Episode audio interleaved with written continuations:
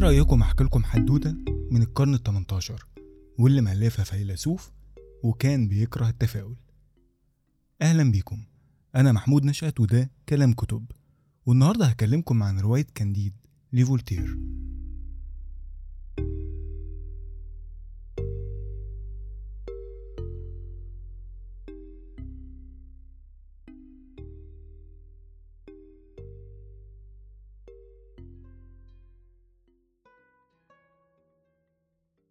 الحدوتة بتقول إن كان في ولد صغير طيب اسمه كانديد وكان عايش مع خاله البارون في قصر كبير وعظيم وكان بيتعلم على ايد فيلسوف اسمه بنجلوس واللي كان مهتم جدا بزرع قيمة التفاؤل جوه تلاميذه كانديد وهو شاب صغير حب بنت خاله البارونة الصغيرة الجميلة اللي كانت تلميذة برضه عند بنجلوس وفي يوم البارون لقاهم بيبوسوا بعض فطرد كانديد بره القصر. الشاب الصغير تخيل إنه انطرد من الجنة فعلا. لأنه ما كانش يعرف أي عالم خارج قصر البارون. نزل على قرية قريبة منه من غير أي فلوس حتى علشان ياكل. قابل جنود وعزموه على الأكل وأقنعوه إنه يدخل الجيش معاهم. بعد شوية أحداث بسيطة جوه الجيش وصل بيل لشبه محاكمة عسكرية وينفد من الموت بأعجوبة ينزل على قرية تانية بعد ما هرب وهو لسه بيعامل الناس بحسن نية ومحدش يرضى يساعده غير جاك الصالح. جاك هو شخص متدين وبيحاول ينفذ قيم دينه. انبسط كانديد جدا بعد ما ساعده جاك الصالح. وهو لسه ماشي من عنده لقى راجل عجوز مريض أعور والناس معروفة منه ويقرر إنه يروح ويساعده. المهم بدون أي تشويق الراجل ده طلع أستاذه الفيلسوف العظيم بنجلوس وحكى له إن الجيش اقتحم قصر البارون وقتلوه واغتصبوا البارونة الصغيرة حبيبة كانديد وقتلوها هي كمان. ومرض بنجلوس ده كان مرض جنسي ملوش دعوة بأي حاجة يعني. كانديد انهار طبعا لكن أستاذه قال له على حكمته العظيمة. أن كل الأشياء تسير إلى الأفضل.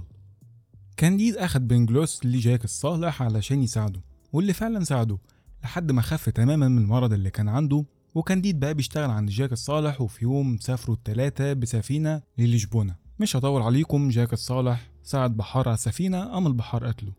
وصل كانديد وبنجلوس لوحدهم للشبونة وطبعا رأي بنجلوس كل الأشياء تسير إلى الأفضل. قام حاصل زلزال لشبونة والمدينة اتدمرت والفيلسوف لسه عند رأيه. وفي يوم واحد سمع بنجلوس وهو بيقول مقولته وقال له أنت كده مش بتؤمن بالذنوب وغضب الرب ولا إيه؟ ولسه بنجلوس بياخد ودي معاه في الكلام اتقبض عليه والراجل ده يطلع القاضي. وحكم عليه بالإعدام وعلى كانديد بالجلد علشان كان موافق على رأي أستاذه. وفعلا عدموا بنجلوس في ميدان عام وكانديد اتجلد جنبه. بعد ما الدنيا اتفضت رموا كانديد على جنب لقى ست عجوزة جات له وجابت له دواء و... وأكل وطلبت منه إنه يجي معاها. راح معاها بيت لقى فيه البارونة الصغيرة اللي برضه مؤمنة إن كل الأشياء تسير إلى الأفضل. وضحت له إنها اغتصبت صحيح بس الجنود بعد ما طعنوها في ضابط لحقها وعالجها ومعها.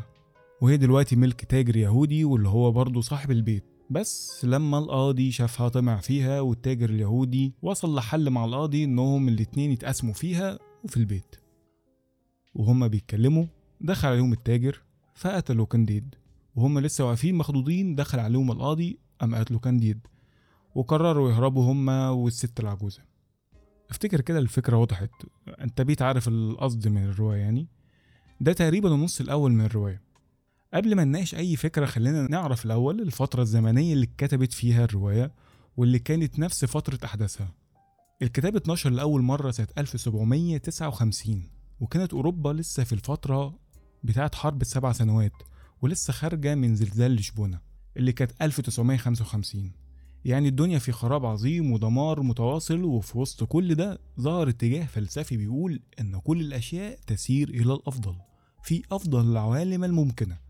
نظرة تفاؤلية بحتة واللي فولتير شاف إنها مجرد مخدر للرأي العام مش أكتر وبدأ يسخر ويحارب الاتجاه ده بطرق مختلفة منها رواية النهاردة. بس مين بقى فولتير؟ فولتير ممكن يتعامل عن قصته وفلسفته حلقات كاملة وفي بداية النسخة المترجمة من الرواية تعريف لا بأس به عن شخصية فولتير. باختصار هو فرانسوا ماري أرويه وكان بيكتب باسم فولتير. اتولد في باريس سنة 1659 وبيصنف كفيلسوف وأديب حيث إنه كان بيكتب في الشعر والمسرح والرواية. وصل لنا عنه إنه كان بيحارب الجهل وبيهتم بالحريات وشديد الانتقاد للنبلاء واللي خلاه يتسجن أكتر من مرة واللي خلاه يسافر لإنجلترا فترة. أفكاره ممكن تقول كانت تحررية شوية عن زمنه واللي معظمها كان نابع من استخدام الأفكار السليمة لكن بشكل سيء. فمثلا كان كاره استخدام الدين كأداة لحكم الشعوب واللي خلاه بدأ ينفر من فكرة الدين مع احتفاظه بإيمانه إن هناك إله.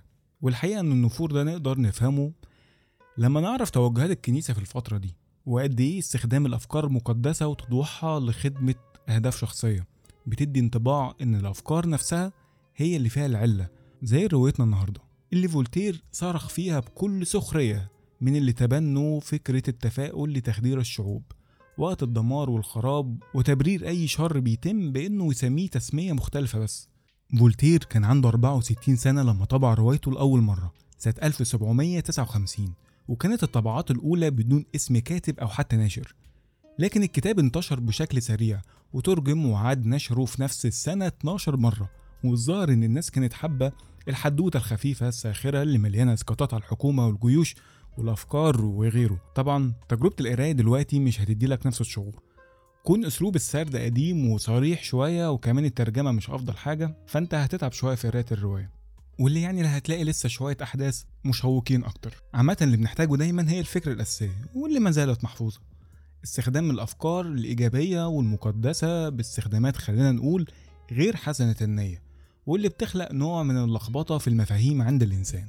زي إزاي يكون التفاؤل شيء سيء أو الدفاع عن الوطن جريمة أو حق الإنسان مجرد رفاهية. يمكن عشان نفس الأسلوب متبع لحد الآن. ما بالك كانديديد عاشا يا ريت اللي قرأ الكتاب يقول لنا رأيه. واللي مرهوش يبدأ يقراه الكتاب فعلا يستحق. ولو عجبتكم الحلقة ممكن تدوسوا like أو share. أشوفكم الحلقة اللي جاية. أنا محمود نشأت وده كلام كتب.